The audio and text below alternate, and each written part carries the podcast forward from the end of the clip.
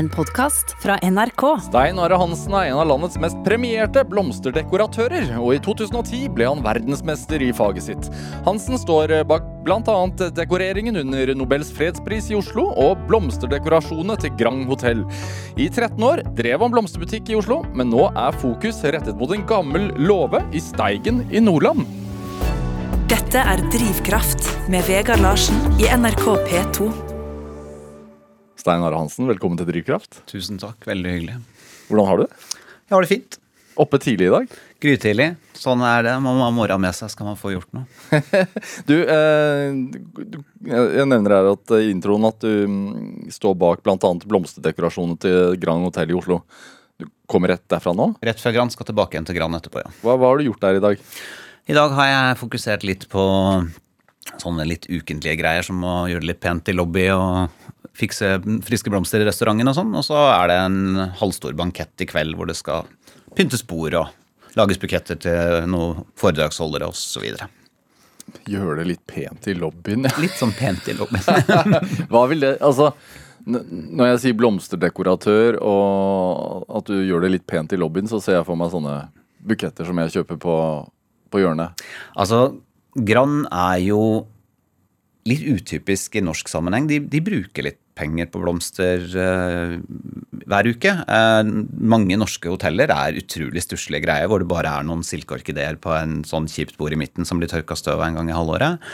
Så Og jeg har jo da i tillegg kanskje valgt å gjøre Grand til litt sånn hjertebarn òg, da. Så jeg, det er ikke alle jobber jeg gjør på Grand som er like sånn økonomisk fantastiske for meg i forhold til arbeidstimer, men jeg syns det er litt artig å vise hva som går an å gjøre, da. Så på Grand prøver jeg ofte å legge lista litt høyt og gjøre noen litt kule greier som ikke er så vanlig, da. Og det har jeg jo skjønt at mange setter pris på, for det er mange som kommer innom bare for å ta bilde av lobbyen og går igjen, og det er veldig, veldig hyggelig. Det tar jeg som et veldig stort kompliment. Men hva vil det si? Altså, kan du beskrive uh... Nei, noen ganger er det mm, 20 fantasiliastiske, snodige orkideer med lange luftrøtter som jeg har spesialbestilt hos en gartner i Holland, som henger og svever i lufta på metallspyd over dette digre bordet i lobbyen. Andre ganger er det Akkurat nå er det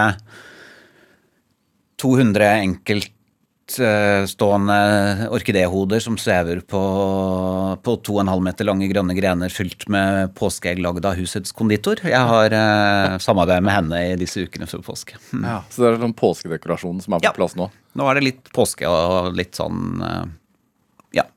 Litt eh, Jeg liker eh, en gammel floskel som heter 'tradisjonsrikt, men ikke tradisjonelt'. Det syns jeg er en fin måte å tenke på. Hva, hva, hva legger du i det? Det vil si at vi kan jo omfavne noen klisjeer og noen tradisjoner uten å bli helt dønn siderumpa og gjøre akkurat det samme som vi har gjort bestandig. Hva ville det vært? Nei, det er jo noe med den forventningen om at uh, en ting som kan irritere meg grønn, eller gul, burde jeg kanskje sagt, eh, er jo akkurat den nære greia med påske og, og fargen gult, da. Som Gult er en av mine absolutte favorittfarger. I grunnen egentlig mest fordi at den har vært så antipopulær i veldig mange år. Og derved har jeg liksom tatt den som litt et hjertebarn.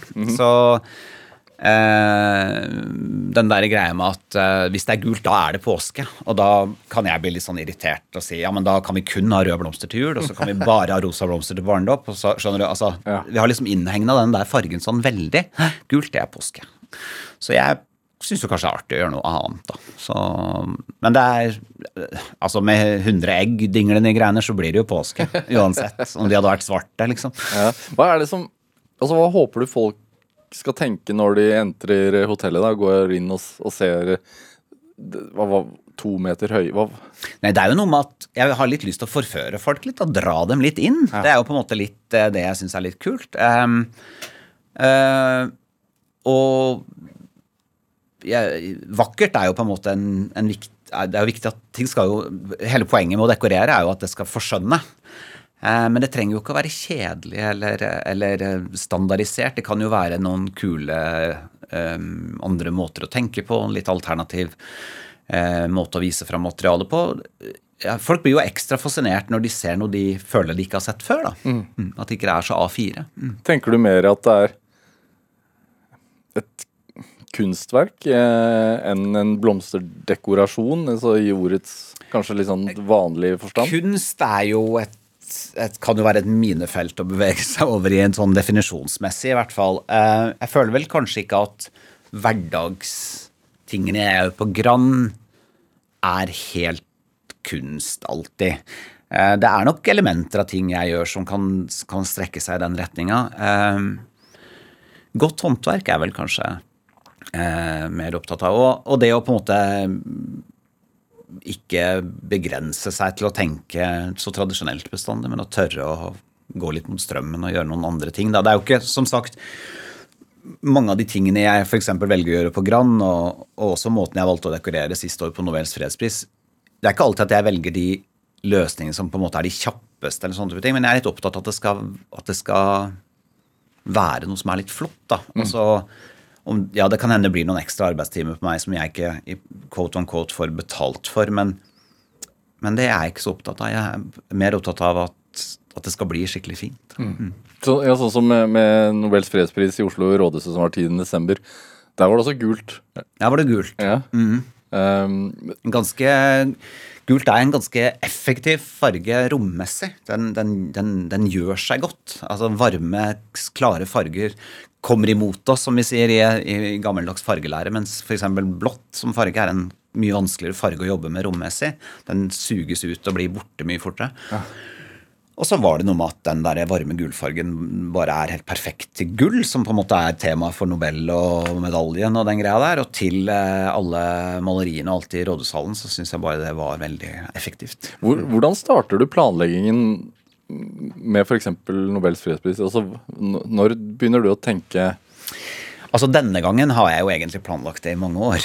Fordi um, da jeg fikk jobben, um, så kom Jeg fikk egentlig jobben eh, et, noen måneder etter at covid-19 hadde slått godt ned i oss.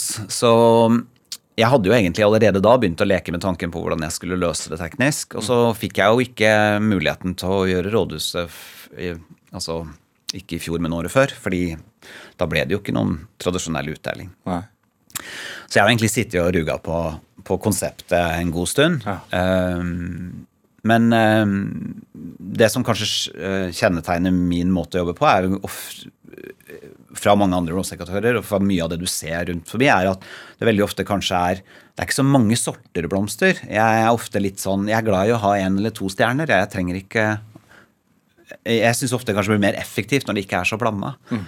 Um, så i Rådhuset var det jo utelukkende én sort blomster. Og det er, vel, er, nok noe som kanskje kommer til å gjenta seg neste gang, men kanskje en helt annen blomst. Er det men, men, da har du da et uh, Har du da et areal Altså et kart over arealet, og hvor stolradene og sånn skal være? Altså, er, hvordan eh, begynner du sånn rent sånn praktisk? Det er jo noe med at arbeidsgiveren her på huset, Krinken, også styrer litt av showet i forhold til kameravinkler og, og på en måte hva de ønsker seg av bakgrunner. Ja. Um, og så er jo jeg inne og kommer med noen av mine meninger også. Så, um, så, jeg har vel egentlig fulgt oppskriften litt i forhold til oppsettet de ønsket seg. Jeg har, men, men, jeg har vel rokket litt hardt i måten det har vært utført på. Eh, det er fremdeles blomster på de samme punktene, men jeg har bare valgt å lage de punktene på en helt annen måte enn det som har vært gjort før. Da. Hvordan da? Uh, nei, f.eks. For foran publikum i rådhuset så har det liksom i mange år vært et veldig sånn fast opplegg med en sånn, nesten en sånn trekasse som på en måte har skilt publikum fra det som skjer lenger frem i, i, salen. Og så har den på en måte vært pyntet med, med hjelp av stikkmasse, eller det mange refererer til som oasis på toppen, uh, i en sånn lang uh, på en måte dekorasjon langs toppen av denne kassen. Da. Men uh, mens jeg valgte å rett og slett mer lage en hekk. så i år, eller nå sist, så ble så er rett og slett um, skillet mellom publikum og, og eventet i seg selv er mer et, et, transparent arbeid som på en måte går helt i gulvet, da, istedenfor at det er en, bare en sånn dert på toppen av en død kasse. Mm. Hvordan tror du det påvirker de som sitter der?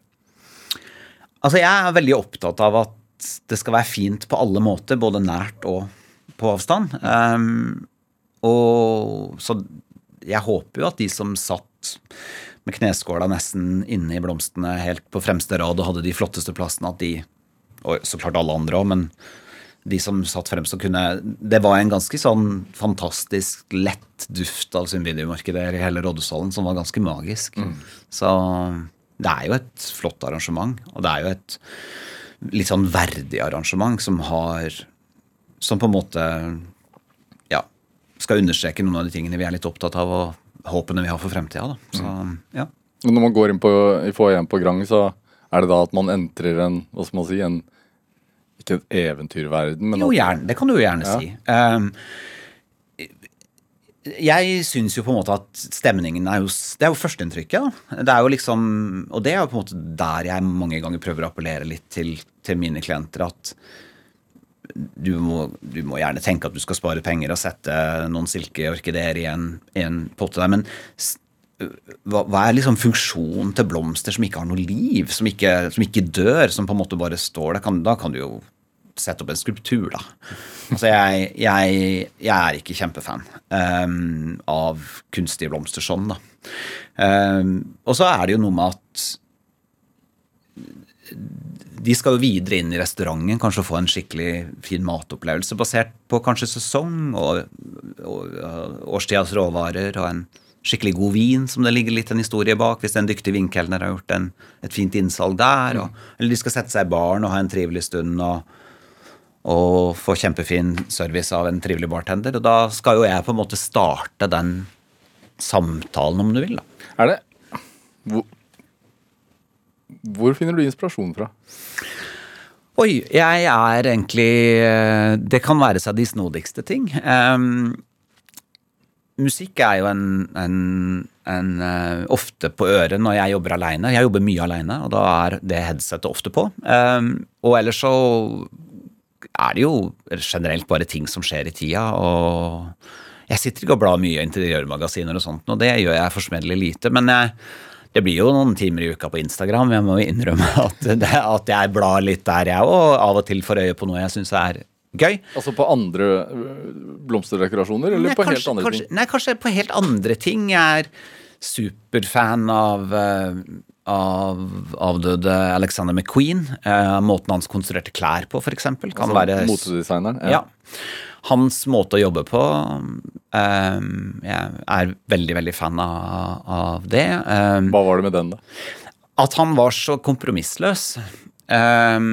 Det, det, han hadde et endelig resultat i, i, i bakhodet, og det, og det var det.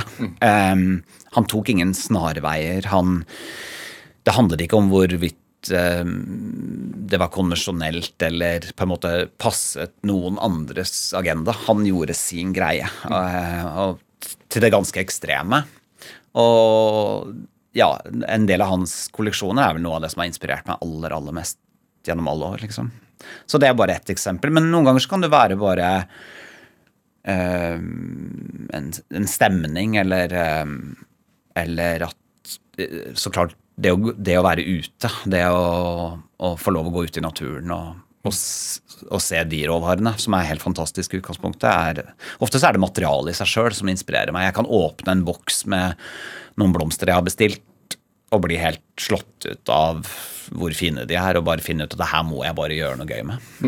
Du, du har med en øh, en slags signatur, en, en signatur øh, hit, hit i dag. og Det det er en småkjæreste, som du kaller den. Ja, dette er Eh, småkjæresten min. Som, altså, og det er en orkidé? Det er en orkidé som heter fruesko på norsk, eller Faffiopedlum på botanisk eller latinsk, som vi sier da. Det er, det, det er en ganske vanlig orkidé å ha hjemme? Eller? Eh, halvvanlig, vil jeg Ja. si. Den er, er ikke av de mest utbredte. Eh, og den, det jeg liker med den, er at den har kun en eneste blomst. Og den er veldig uttrykksfull. Den er liksom et ansikt som ser på deg. Mm, og så er det noe litt sånn eh, Det er noe ved det ansiktet på den blomsten som ikke føles helt sånn feminint. Den er litt mer maskulin i uttrykket. Den har den der i tjukke haka som sikkert andre vil dra andre inspirasjoner ut av.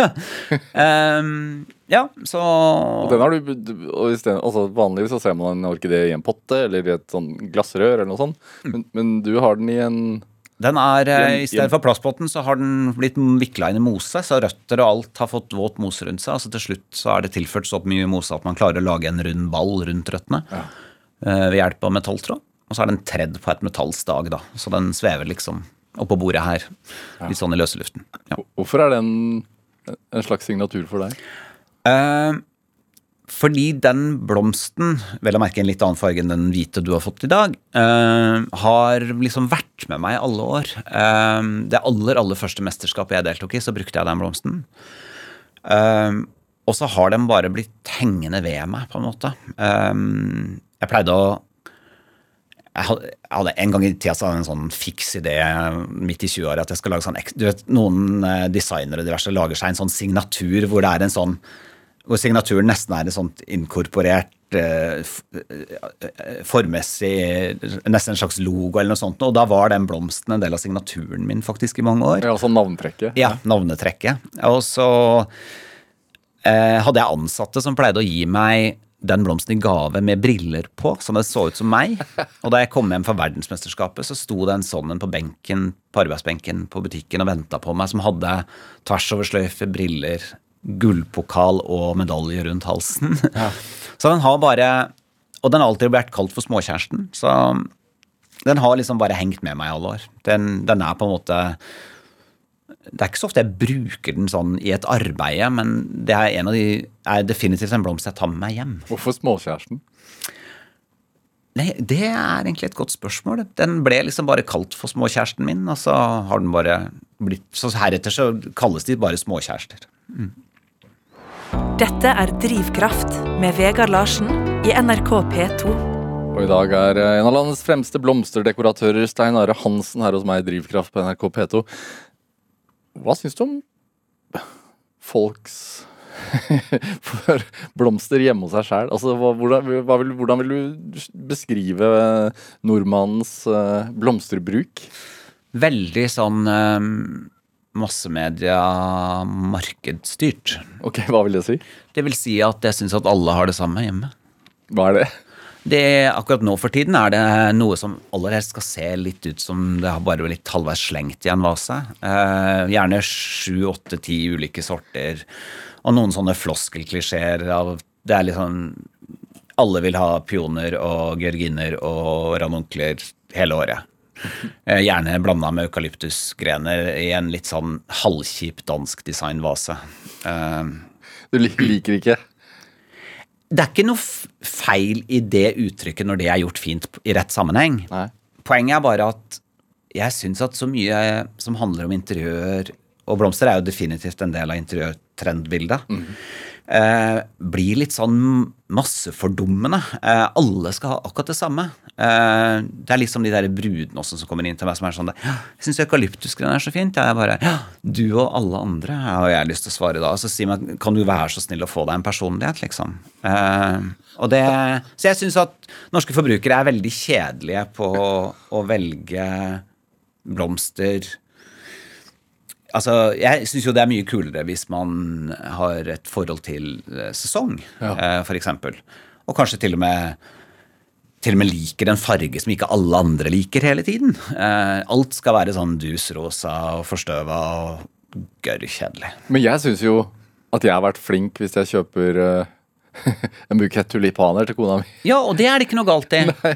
Nei. Eh, for, og, og som regel så vil jo tulipaner kun være å få i tulipansesongen. Så, og det er helt fint. Og er, folk liker jo mange ulike farger. sånn, Men det, er, men det er mye sånn på blomsterbruk, og spesielt i den måten det presenteres i media på, som er litt sånn Alt er dønn likt. Og det irriterer meg litt, kjenner jeg. Det syns jeg ikke er noe gøy. Når var det Altså, Hvordan starta din interesse? Du er, jeg vet jo du har vokst opp på Svalbard. Det stemmer. Det er ikke mye blomster der. Overhodet ikke. Eh, og, mange ganger har jeg tøysa litt med at fordi det var så lite av det tilgjengelig, at det var kanskje grunnen til at jeg ble så opphengt i dem. Eh, det var eh, Min mor var medlem av Longyearbyen kvinneforening. og der var det to æresmedlemmer. Det ene æresmedlemmet het Ingrid Espelid Hovig, og det andre het Irene Berg-Olsen. Og hun var en ganske kjent figur i, i eh, blomstermiljøet i Tromsø. Hun drev en butikk der i alle år. Hun ble egentlig ikke kalt Filirein, hun bare ble kalt Iris, fordi butikken hennes het Iris. Hun pleide å ha juledemonstrasjoner i Longyearbyen, hvor hun kom eh, på flyet med en liten eske fylt med noen røde nelliker og litt grønt. Altså, det, var, det var ganske mye enklere den gangen. Og da pleide jeg å henge skjortekanten hennes og plukke opp alt hun kasta på gulvet. Eh, så jeg har liksom bare alltid vært veldig opptatt av blomster. Eh, veldig sånn Veldig eh, opptatt av hva moderen hadde i vinduskarmen, og det der, de der faste juleblomstene vi fikk hvert år i Longyearbyen. Det er noe med at den der røde amaryllisten i potte som, som på en måte er så, blitt så standard nå, når du bor i Longyearbyen, når det er kølmørkt, det er ikke ly- dagslys overhodet i en god del måneder av året. Så i det øyeblikket den skyter opp av den løken og slår ut i full blomst i vinduskarmen i Longyearbyen, så er det ikke bare vakkert, men rett og slett litt magisk. Så jeg tror bare jeg var veldig fascinert av det sånn. Og så ble det bare hengende i meg, og etter hvert som det da kom til det punktet hvor jeg faktisk oppdaga liksom at det, var noen, at det å være blomsterdekoratør var et håndverk, at det faktisk var en yrkesvei, da var det liksom gjort. Da ble, det det. Når skjønte du det, da? Da var jeg 13-14. Mm. Fikk arbeidsdag på grunnskolen. Sånn noen timer i uka ute i arbeidslivet, liksom. Og valgte da å være i en blomsterbutikk, og da var det gjort. Ja. Men altså, Svalbard, eh, Longyearbyen. Hvorfor, hvorfor var dere der? Min far jobba i gruva i fryktelig mange år, som lokfører. Min mor var husmor. Og så eh, Grunnen til at vi flyttet derfra, var for at mine foreldre da ble skilt etter hvert. Og det var ikke vanlig å, å eh, det var ikke så, Du måtte ha en jobb i Store Norske eller staten for å, for å bo der oppe. Da. Så da måtte min mor og vi ned. Hvordan er det å vokse opp der? Um, for meg det mest normale i hele verden. Ja, men jeg har jo skjønt i etterkant at det kanskje var veldig Det er, ekso det er eksotisk. Det er, ikke, det er ikke så mange som f får Veldig- muligheten til å vokse opp på Veldig trygt, veldig godt, veldig beskytta. Um, eh, og veldig i en boble, fordi du reiser ikke til nabobyen på shopping, for det er ingen naboby å reise til. Nei. Så du holder deg innafor noen sånn 1000 meters radius, og der er du. Og så er det veldig mye veldig tilrettelagt og veldig bra opplegg for unger og ungdom. Eh, masse sånn interesseorganisasjoner og foreninger og Svalbardturen og arbeidsverksted to dager i uka og alt mulig sånn rart. Så vi så, ja, så da var det liksom den der arbeidsstua hver tirsdag hvor du gjorde alt fra kobberstikk til uh, sånn derre uh, oppheng i strie pynta med filt som du hadde julebrev til jul. altså alt mulig sånt. Og så, og så er min mor Min mor er um, skredder eller syerske um, og har alltid hatt den håndverksbiten. Så jeg har jo hengt i skjørtekanten med henne også.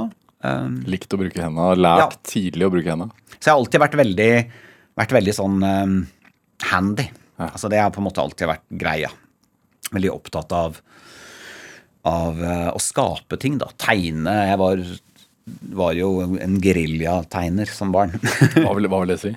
Det vil si at det ble Det, det gikk med noen tegneblokker og noen, eh, noen kritt og noen tusjer, ja. Ja. ja veldig, veldig opptatt av å visualisere ting, ja. Mm.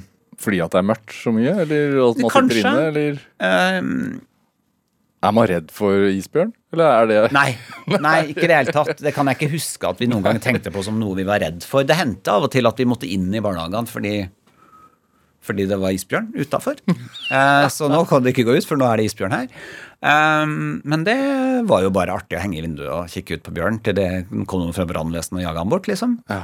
Så det var ikke så mye sånn så det var liksom bare en del av greia. Eh, så jeg kan aldri huske at jeg tenkte at jeg var redd for bjørn. Nei. Men lever man tettere på på naturen, og også, siden faren din også jobber i gruva, og er da store deler av dagen under bakken? Altså, Ja, jeg vet ikke, vi, vi var jo Den derre scooteren, snøscooteren, var liksom en, også en veldig sentral del av mange Svalbard-familiers liv, liksom. Og de der utfluktene kanskje i helger eller på fridager på scooter, da. Jeg husker min far lagde eh, sin egen scooterhenger på, på verkstedet i, gruva. Min far er en meget niftig fyr med henda for øvrig også, sånn i forhold til å fikse og ordne ting. Han, han er innmari god på det. Han er litt sånn superidol på han, altså han, han er sånn Petter Smart-fyr. Han får til alt mulig rart. Men, jeg, men en ting han ikke var spesielt god på, var valg av seter i den der scootersleden. For det var noen sånne skolestoler som ble liksom bare sveisa rett i. Så det var jo ikke demping overhodet. Så etter en sånn snøscootertur så var jo jeg og broderen helt ødelagt, det husker jeg. Så vi, vi er ikke så glad i den scootersleden, men vi var glad i å være ute, da. På liksom Ute i naturen, da. hva slags blomster gror der? Eh, Små Altså polare eller arktiske blomster er jo veldig er jo ofte litt sånne små skatter, sånne små juveler. Du må, du må kikke litt nøye etter for å få med deg. Eh, favoritten å finne i Longyearbyen på våren var jo eh, polarvalmuer, som er rett og slett bare en sånn mikroskopisk liten valmue i en sånn kremhvit farge. De er jo ikke lov å røre, de. Nei. Du kan kikke, men du får ikke lov å plukke. Mm. Ja, for de er freda? Alt er fredag. Mm. Så det er jo en god del blomster hvis du begynner å kikke deg rundt. Men uh, ofte fikk jo vi bare med oss de aller første, fordi sommerferie i Longyearbyen var ofte ganske sånn lange, så da var jeg på fastlandet. Ja. Når det liksom i, den, i, store deler av den i gåsehud varme årstida. Men da var det også nord? Det var jo også nord, i Steigen, da, som på en måte er lengst nord i Nordland. der. Min mor er fra Hamarøy, min far er fra Steigen. Så. Hvis man ser på dine dekorasjoner, er det noe svalbarsk eller nordnorsk i det? Nei, altså, jeg tror um, Jeg tror vel at jeg kanskje er kjent for å ha en litt sånn ujålet stil, hvis det går an å si det sånn. Mm. Um, um, ofte litt sånn grafiske linjer eller litt sånn stramme konstruksjoner. Jeg er veldig opptatt av form. Jeg, jeg, hvis jeg lager noe som skal være rundt, så skal det være rundt. Ja, det skal ikke være sånn halvveis rundt. Da skal det være trillrundt. Um, jeg vet ikke, kanskje Kanskje, kanskje, Sigmund Freud hadde dratt noen paralleller til de rene linjene, og jeg vet ikke. Men uh, jeg har ikke tenkt på det, i hvert fall. Mm. Uh, Stein Are Hansen, vi skal høre litt musikk. Du har med en, uh, en låt fra en artist fra Nord-Norge, nemlig Kari Bremnes. Kari er viktig for meg, vet du. Hvorfor det? Fordi hun makter å forklare de følelsene vi alle sammen har inni oss. Ja. På en helt fantastisk måte. Hva føler du når du hører låten 'Sporet'? Um, den er en av mine absolutte favorittlåter med Kari, fordi den kombinerer det føleriske og det poetiske som jeg føler at hun er så god på, med en annen stor kjærlighet jeg har, nemlig elektronisk musikk. Og her har liksom Kari gått litt ambient, som jeg syns er litt kult. Uh, så jeg, jeg liksom Jeg ble enda større fan av henne når den låta her kom. Um, så den, den, er, den, er, kjølig og kald, og allikevel veldig varm. Vi høre?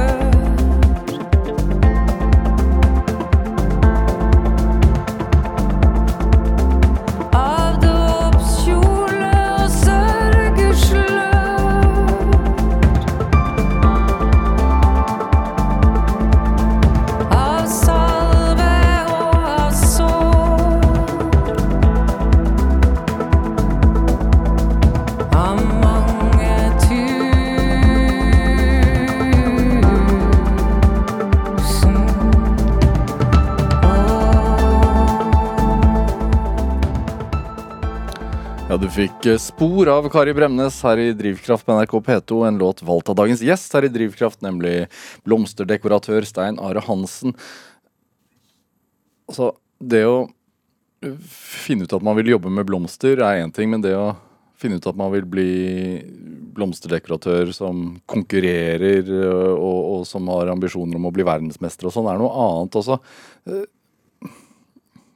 Du skjønte at det ikke an å utdanne seg innenfor dette som 13-åring, men hva var det som, som dro deg videre? Uh, jeg begynte jo Jeg er jo en uh, uh, sånn, Som person er jeg en sånn type som hvis jeg fort Hvis jeg blir opptatt av noe, så blir jeg ofte litt sånn besatt. jeg har en tendens til å til å bli ganske dyptpløyende hvis jeg skal sette meg inn i et eller annet tema. eller en sånn greie. Sånn. Så jeg var så når jeg etter hvert skjønte at det var noe å være blomster, det å være blomsterdekoratør faktisk var en, eh, et håndverk, en fireårig håndverksutdannelse, altså noe du kunne ta et fagbrev i. ikke bare det var ikke bare sånn du troppa opp i en blomsterbutikk og solgte noen blomster. da var du blomsterdekoratør, liksom. Hva lærer man der? Eh, hva sa du? Ja, hva lærer man? Altså, hvordan, hvordan? Eh, det handler jo på en måte om kunsthistorie, stilhistorie. Det handler jo om de, alle de ulike disiplinene innenfor faget. Krans, bukett, brudbukett. altså alle de, Det skal mestres teknisk. Du skal lære deg alle de måtene å å utføre det teknisk på. Du skal lære deg eh, en del botanikk. Du skal lære deg Ja. Det er, det er mange grunnpilarer som kommer inn under den paraplyen som gjør at du til slutt kan kalle deg blomsterekatør. Mm. Det er liksom å bli kokk. ikke sant? Du skal lære deg noen greier der òg. Fins det også liksom fransk sko, altså sånn som i, i maten? altså At italiensk og fransk for eksempel, er litt forskjellig? Altså. Veldig. Det er helt riktig. Eh, franske blomsterdekoratører har en helt annen uttrykk enn norske. Okay. Så det er ganske interessant. hvor, hvor, går det an å beskrive liksom kort? Hvordan? Eh, det franske er eh, veldig eklektisk. Masse farger. Eh, mange litt sånn uventa fargekombinasjoner. Ofte utrolig mye fokus på veldig mange detaljer samtidig. Eh, jeg får litt noia av det, for jeg vil gjerne rydde litt i det. Men, eh, men, eh, men, jeg kan jo se kvaliteten i det på sine vis. Og på linje med alle andre fag og disipliner, så, så er det vellykka noen ganger, og andre ganger ikke. Ja. Så i mine øyne, da. Ja. Men er det sånn i, i, hvis man tenker mat, da, så er jo fransk eh, kjøkken Altså kokekunst er liksom veldig høyt aktet. Hvor er, hvilken, eh, hvor er det innenfor blomsterdekorasjon? Altså vi Jeg vil si at det er nok ikke Altså av de landene som har uh, eh, henta igjen flest medaljer internasjonalt i blomsterdekoratørkonkurranser, ja. så finner du vel tre land på toppen. Norge, Sveits og Japan. um, og hvorfor det har blitt sånn, er jeg ikke helt sikker på. Um, Norge pleide å være veldig sånn spydspiss konkurransemessig i Norden. Nå har svenskene og danskene egentlig tatt oss ganske Altså det er mange flinke konkurransedekoratører i Sverige blant annet om dagen. Mm. Um, ellers er jo jeg veldig fascinert av Asia og den ekstreme materialrespekten som en japansk dekoratør har. Fordi det er noe med når råvarepriser og sånt er det det er, så får du også en mye høyere respekt for råvarene. Og det var kanskje det som gjorde at nordmenn også ble så gode, fordi vi har alltid tradisjonelt sett hatt mye dyrere varer her enn f.eks. i Danmark og Sverige. Var det også det som tok deg til Asia? Uh, jeg fikk mitt første jobbtilbud i Asia i ja, rundt årtusenskiftet. Uh, da begynte jeg å jobbe for en kinesisk eh, fabrikk som lager silkeblomster, julekuler, blomsterpotter, kunstige planter. Alt mulig rart. Først som på en måte produktutvikler, inspirator, den type ting. Og så fikk han sparken, han som hadde ansvaret for et 4000 kvadratmeter stort showrom i Hongkong. Så da endte jeg opp med den jobben. Så da pendla jeg mye til Hongkong og Sør-Kina i åtte års tid. Oi. Så, og så etter hvert så da jeg da etter hvert vant dette VM-et, som egentlig var ganske seint på lista i min konkurransekarriere, om du vil, så var jo det arrangert i Shanghai. Og da gir jo det noen ringvirkninger liksom litt i det området du er, på en måte. Så da ble, fikk jeg enda flere forespørsler om å undervise i Kina, på skoler og diverse også. Så jeg har gjort ganske mye undervisning i Kina. Mm. Hvordan vil du beskrive kultursjokket, eller sånn?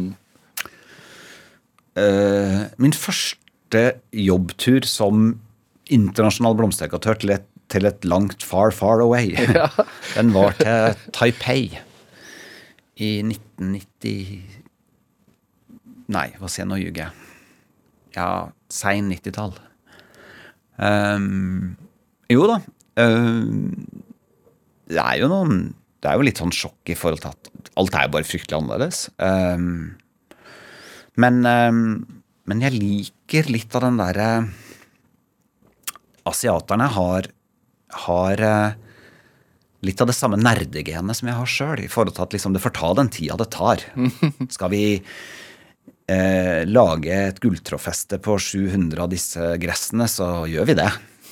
Mens i Norge møter jeg ofte Å, 700? er gjerne mer kommentaren her. Er du gæren? Det er så mye jobb, liksom.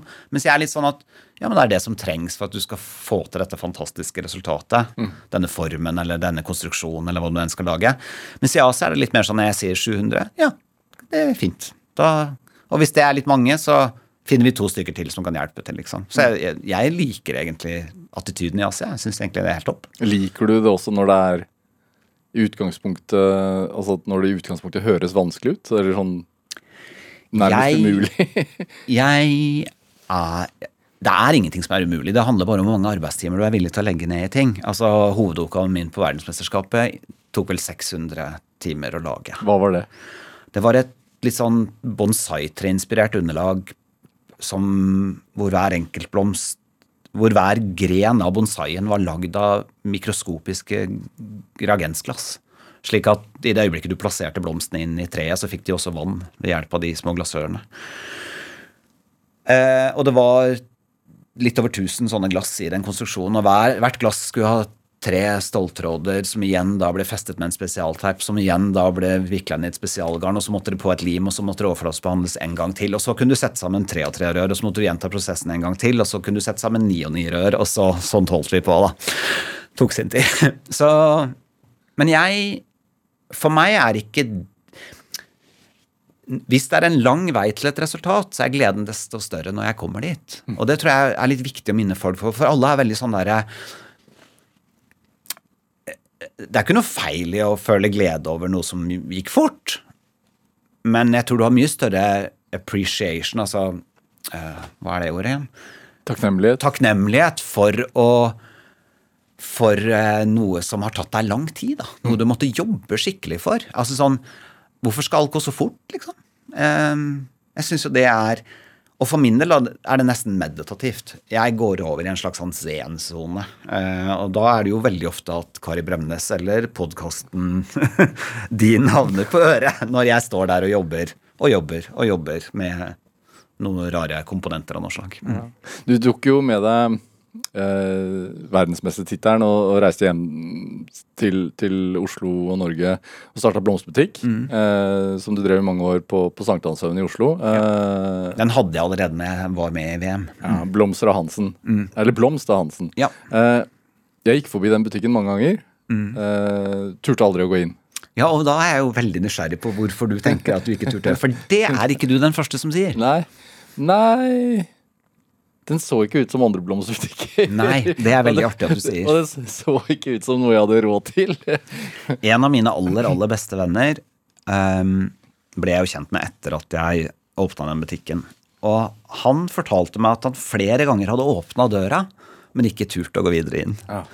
Uh, det var en helsvart butikk. Alt var svart. Og så var den ganske kompakt og liten, og du kom inn liksom litt sånn nedi ei dump før du kom deg inn i lokalet. Så du, kom, du måtte liksom gjøre Du kom liksom så hvis det sto et menneske bak disken og venta på deg lenger inn, da var noen få meter fra deg, så var de litt sånn opphøyde kanskje i forhold til klienten som kom inn. Da. Så det var kanskje noe med at det føltes litt sånn i motsetning til en større butikk da, hvor du på en måte kan gjemme deg litt i kriken og kroken, og så kanskje velge etter hvert å oppsøke hjelp hvis du vil ha det, så var det litt sånn rett på mm. i den butikken. Um, ja, så den, ja, Du er ikke den første som sier det. Jeg har hørt mange si det. At de, at de, var litt redde for å gå inn. Ja, men, det er jeg jo litt lei meg for på en vis, men jeg må si jeg ler litt av det. Mm. Ja, men, men, det sier vel også noe om at du ikke inngår noen kompromisser, da? Ja, altså Jeg hadde lyst å gjøre min drømmebutikk, på en måte. Eh, og det innebar jo på en måte at jeg ikke hadde lyst til å ta noen snarveier. At jeg hadde lyst til at det skulle være min greie. Og det hendte jo Jeg tror en ting som kan kanskje forklare litt min attityde sånn, er en historie om den gangen en september Jeg er jo veldig ofte sånn at hvis jeg er litt inspirert av en årstid, eller for den saks skyld en farge, så kan for være Det kunne være sånn når du kommer inn i min butikk at en uke hadde jeg bare hvite blomster. En annen uke kom du inn, så hadde jeg bare blå. Ja. Og da kunne du komme inn og si men har du ingen oransje? Liksom, jeg bare Nei, det har jeg ikke. Uh, litt sånn på linje med at du kommer i en ordentlig god restaurant, så har de sesongens beste liksom catch. Og så er det det du får der, og da kan du ikke komme inn der og si at ja, men vi har makaroni og bacon, liksom. Altså, for det har de ikke. For det, her er det som er i menyen. Og da respekterer du den restauranten og de håndverkerne som de kokkene faktisk er. Fordi du stoler på de om at de skal lage deg noe godt, for du vet at det er en bra restaurant. Og litt sånn ville jeg ha det i blomsterbutikk. Ja. Ikke sånn at du kan komme inn og ønske deg hele verden. Fordi, men, så jeg hadde jo da en dame som kom inn en gang, og da, den uka hadde jeg bestemt meg for å gå skikkelig hardcore, så da var det bare sånne svartlilla burgunderblomster i butikken. Og da sto det liksom blant annet 200 sorte kala i en vase, en storm av sånne svartlilla orkideer i en annen. Altså, og dette er sånn ordentlig ganske sånn eksklusive, fine, litt freshe ting. Og så var det liksom sånn ah, Har du bare svarte blomster? Og den dagen hadde jeg liksom det helt riktige svaret. For da snudde jeg meg bare til dama og så sa jeg, ja, trenger du noe mer? Nei.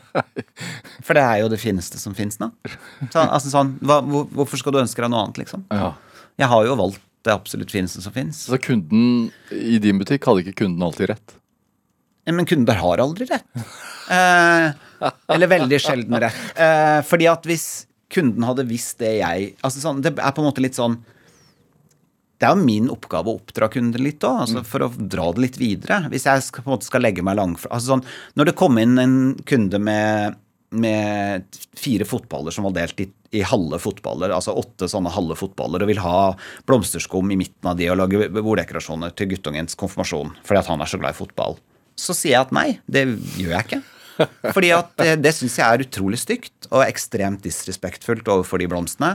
Og har ingenting med bordpynt å gjøre overhodet. Og hvis han er så glad i fotball, så får du finne en annen måte å uttrykke deg på. Eh, Fordi jeg syns det er en skikkelig kjip klisjé, så da må du gå i en annen butikk. For det gjør jeg ikke. Jeg lager ikke blomsterdekorasjoner i fotballer. Er det marked for sånne butikker? Eh, Jeg klarte meg fint jeg, de årene jeg holdt på. Det la ikke ned fordi jeg ikke dreiv greit. Eh, Jeg var bare klar for å gå videre og gjøre noe annet. Men det er klart at kanskje ikke overalt. Hvor, hvor, hvor viktig er det du sier der, at man skal ha respekt for blomstene? Det er alfa og omega. Eh, Jeg blir jo litt lei meg når jeg ser blomster som behandles stygt. Eh, Og jeg ser det jo hele tiden. Eh, Alt fra buntevarer utenfor sånne dagligvarebutikker som står ute i minusgrader, til og bensinstasjoner og sånne type ting. Men, men, men også sånn hjemme hos forbruker hvor ting bare er trøkt i en vase, eller Ja, det er klart jeg har lyst til å Jeg er jo opptatt av disse tingene, da. Så jeg, har, ja, jeg er nok stor i kjeften på det området der, ja. Men sånn som nå, så får man jo kjøpt uh, to uh, pakker med tulpaner eller roser eller noe sånt for uh, 79,90 på, på dagligvarebutikken. Og, og eh, alle dagligvarebutikker har det tilbudet, nesten. Ja, ja, absolutt. Og For dem er det et, en, en ekstra de tilbyr sine kunder for å liksom lokke enda flere folk. ja. Eh, De har ikke noe stor inntjening på de årene. Men det behøver de jo ikke heller. De skal jo bare dumpe dem i bæreposer og sende dem av gårde. Og eh, hvis du kommer der den dagen de varene er ferske, så er det ikke noe feil i det. Men eh, hvis du kommer der på dag fire, så synd for deg, for de har jo ikke vett til å ta vare på dem. Nei, men Tror du også at det påvirker måten vi ser på blomster på? Absolutt. Eh, Da jeg begynte i blomsterbransjen, så var det kun blomsterbutikker som hadde blomster. Og den gangen var det gjerne litt sånn at det sto litt sånn tripp-trapp-system i en sånn blomsterbutikk. Og så var det en vase med 20 oransje roser, en vase med 20 hvite, en vase Buntevare var det ingen som visste hva var. Det var ingen som solgte tipakka noe, det var stykk per stykk. Så du voldte deg kanskje tre oransje roser og noen grene grønt og litt fyllstoff og en lilje i midten, og litt sånn, så var du superhappy og fornøyd, og så gikk du din vei. Sånn er det jo ikke lenger. Eh, Så volumet vi vi distribuerer i blomsterbutikker, har økt med kanskje det firedobbelte per salg, på en måte. Altså, øhm, og så har prisene gått ned. og så, så det sier seg jo sjøl at det blir jo mindre og mindre igjen til materialrespekt og stolthet for faget og alt det der når, når vi akselererer det sånn. Og det aller mest skremmende er jo ikke minst det miljøavtrykket vi skaper med den der vanvittige krigføringa på pris og volum. Fordi jeg, hvis vi tenker hvis vi ser på det som blir produsert som 100 volum, da, så er det temmelig mange prosent som blir borte i frosne varer, klemte varer, varer som ikke ble solgt fordi de bare ble dumpa. Altså, jeg skal tørre å påstå at på, avs på enkelte avskårne blomster så er det kanskje maks 50% som ender opp på en kundespor. Resten bare forsvinner som svinn i systemet. Mm. Og det er skremmende. Hvor stor er egentlig altså Vi snakker om økologisk fotavtrykk på klær og mat og sånn, men hvor stort er det egentlig på, på, blomstene vi har hjemme? Vi er en av de verste bransjene av dem alle. Ja. Tenk på det vannforbruket gartnere har behov for. Strøm, alt det der. Um, det har blitt fryktelig mye bedre, og det har blitt enormt mange forbedringer hos de store produsentene. Men jeg syns at vi allikevel skal ha en Når vi på en måte den bruk-og-kast-mentaliteten som gjelder i overalt ellers, gjelder på billige klær, gjelder på sånn plastikkdingsebomser på sånne billigbutikker og alt sånt hårbøyle med reinsdyr på drit som ikke trenger, mm. så syns jeg kanskje at, vi, at, det er mye hyggeligere å kjøpe noen få kvalitetsblomster enn å alt det raske som på en måte er på markedet. Ja. Mm. Det er det triste med blomster, er at de dauer, da. Nei, men det er samtidig det som er helt fantastisk. For hadde hadde du fått ribbe hver dag, så hadde det ikke vært så godt. Og, og um, blomster er jo også litt sånn at det er nettopp det forgjengelige som gjør det magisk. Hvis de hadde vart evig, så hadde de jo bare stått der og samla støv, da. Mm. Da er vi jo tilbake igjen til den silkeorkideen jeg ikke liker på det bordet i den lobbyen. Dette er Drivkraft med Vegard Larsen i NRK P2. Og i dag er en av Norges fremste blomsterdekoratører, Stein Are Hansen, her hos meg i Drivkraft på NRK P2. Eh, vet at du har, altså, du har lagt ned blomsterbutikken din i Oslo, men også har du et prosjekt i, i Steigan? Steigen, ja. Steigen, unnskyld. Det er liksom det stedet som jeg definerer som hjemme, da. No, Nord-Norge nesten på lik I? Svettehulen på Lofotarmen, pleier jeg å si. ja, svettehulen på, ja. Hva, hva, faren din bor der, eller? Min, det er min fars hjemsted, ja. og det stedet som vi tilbrakte stort sett alt av sommerferie hele barndommen. Også de årene vi bodde i Longyearbyen. Ja, hva er det du gjør der oppe? Um, det er jo den plassen jeg reiser til for å puste. For å finne meg sjæl, på et vis. Um, og jeg har alltid og styra med mye rare prosjekter og sånn. Og så kom covid-19 og litt mer, enda litt mer tid der oppe enn jeg vanligvis har hatt før. Mm. Og så går det plutselig opp for meg en dag at kanskje denne fjøsen som ikke har vært brukt siden tidlig 70-tall, kan brukes til noe annet. Og så har det bare akselerert derfra. da. Så nå har jeg bygd meg et digert drivhus, en svær uteplass med direkteinngang inn, en sidedør på fjøsen som aldri har vært i bruk før. Jeg har bygd meg et digert studio inne i fjøsen ved hjelp av en haug med gamle vinduer. Jeg skal bygge trapp i siloen, jeg skal lage meg kjøkken uti der. Ja, jeg har masse planer. Så tanken er jo på en måte å gjøre det til en kombinasjon av et egoprosjekt, altså noe som jeg koser meg med. Ja. Men samtidig Koser du deg med å bygge det? Eller? Ja, ja, jeg gjør virkelig det. Ja. Og så tror jeg Jeg håper og tror at pappaen min tross Han tror jeg er litt gæren innimellom. Jeg tror han syns jeg er litt gæren innimellom. Men jeg tror også han syns det er litt stas at, at jeg at, at, noen, at, noen, vil gjøre noe med stedet. At ikke det bare skal være igjen der og ikke skje noe mer. Så nå tenker jeg at jeg har lyst til å ta Det kommer jo ikke til å bli noe mer gårdsdrift der, det er ikke noe sannsynlig. Men da kan jo jeg gjøre noe annet kult med det. Eh, så jeg har jo lyst til å lage nesten en sånn opplevelsessenter for blomsterdekoratører. Jeg har jo hatt jeg hadde 28 kinesere på kurs på Tranøy fyr i nabokommunen for en del år tilbake. Det var jo det glade vanvidd. Men hvis jeg kan få 28 kinesere til Tranøya, så kan jeg også få 20-30 kinesere til å komme direkte hjem til meg. Ja. Oppå den gamle, fine låven jeg har med åtte meter under taket. Um, og hvis jeg samtidig kan skape noen ringvirkninger i lokalmiljøet, og kanskje ha litt pop-up-shop i perioder, og faktisk vise på en såpass eh, eh, folke... Altså, det er jo ikke mange mennesker som bor i Steigen. 2500 på hele kommunen, og det er en ganske stort område. Den bygda som min far bor i, har vel seks fastboende eller noe sånt nå. Men, eh, men det er noe med jeg, det er jo en tendens i tida nå at jeg blir litt opptatt av å finne litt tilbake igjen til ting. Og eh, Børge Ausland har jo lagd denne designer-friluftsdestinasjonen eh, ute på en holme rett utenfor der hvor min far bor. Mm. Så hvis han kan fyre inn eh, hardhauser fra hele verden til å komme til Mannshausen ute på Norskott og ha en naturopplevelse, så kan vel jeg dra inn folk som er interessert i det jeg holder på med, til en tilsvarende destinasjon, Mm. tenker jeg. Um, så Føler du deg hjemme der? ja, Ja. det er hjemme. Det er det som er hjemme. Svalbard er ikke det lenger. Uh, men dette stedet har vært konstant alltid. Så er det noe med å runde en viss del av veien på en svissving, hvor jeg liksom ser det treet og den bakken, så da, da er vi hjemme. Ja. Så legger du om da, eller? Dialekten? jeg legger om så fort jeg prater med min far på telefon. Em, det har jeg gjort siden jeg var barn. Jeg tror det er veldig typisk for sånne Svalbard-unger. Eh, Jeg gikk på skolen med to fra Bergen, tre fra Oslo, en fra Troms. ikke sant?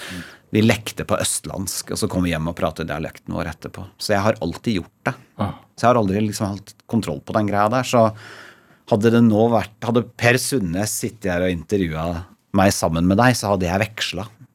Jeg måtte virkelig ha konsentrert meg hvis jeg ikke skulle gjort det. Så jeg blir sånn dårlig innstilt radio. Ja. Men er det Det virker for meg at du har en sånn holdning sånn Ikke, ikke prøv å fortelle meg hva jeg kan få til og ikke.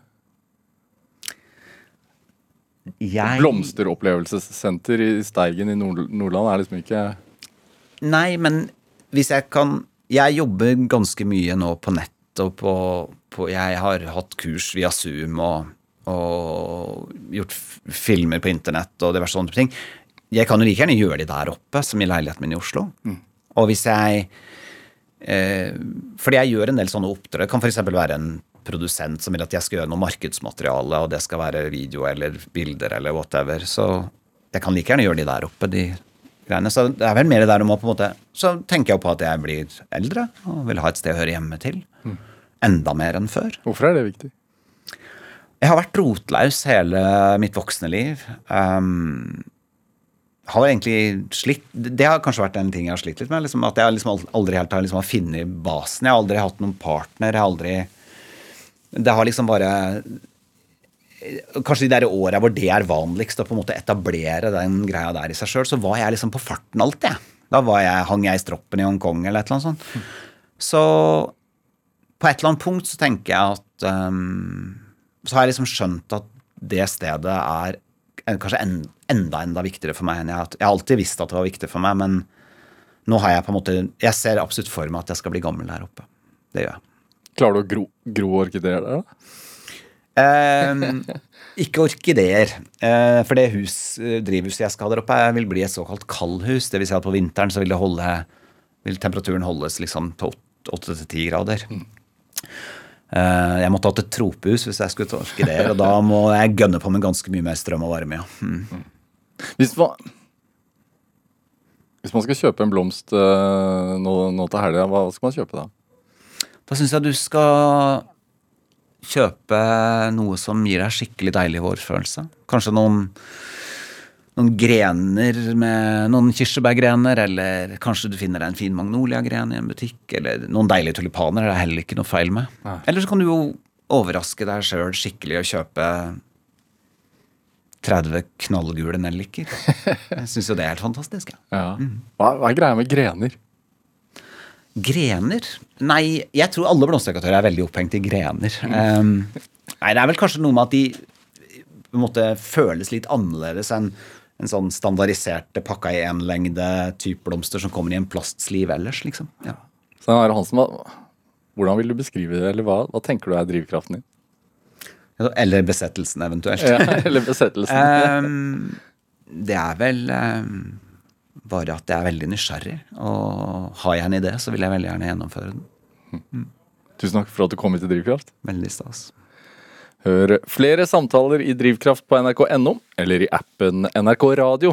Send oss gjerne ris og ros og tips til mennesker som du mener har drivkraft. Send en e-posten til drivkraft.krøllalfa.nrk.no. Vi hører veldig gjerne fra deg. Produsent og researcher i dag var Ellen Foss Sørensen. Dette var Drivkraft. Jeg heter Vegard Larsen. Vi høres. En kveld det var russetreff i Sogndal, ble Arve Beheim Karlsen forfulgt av to ungdommer som ropte rasistiske ord etter han. Einar skrek i hvert fall 'drep han, drep han, lille negeren'. Liksom. Arve så jeg var veldig redd. Jeg har vel aldri sett den gutten løpe så fort noen gang. Noen dager seinere ble han funnet drukna i elva, men ingen kan si hvordan han havna der. Podkasten Hva skjedde med Arve Beheim Karlsen hører du først i appen NRK Radio.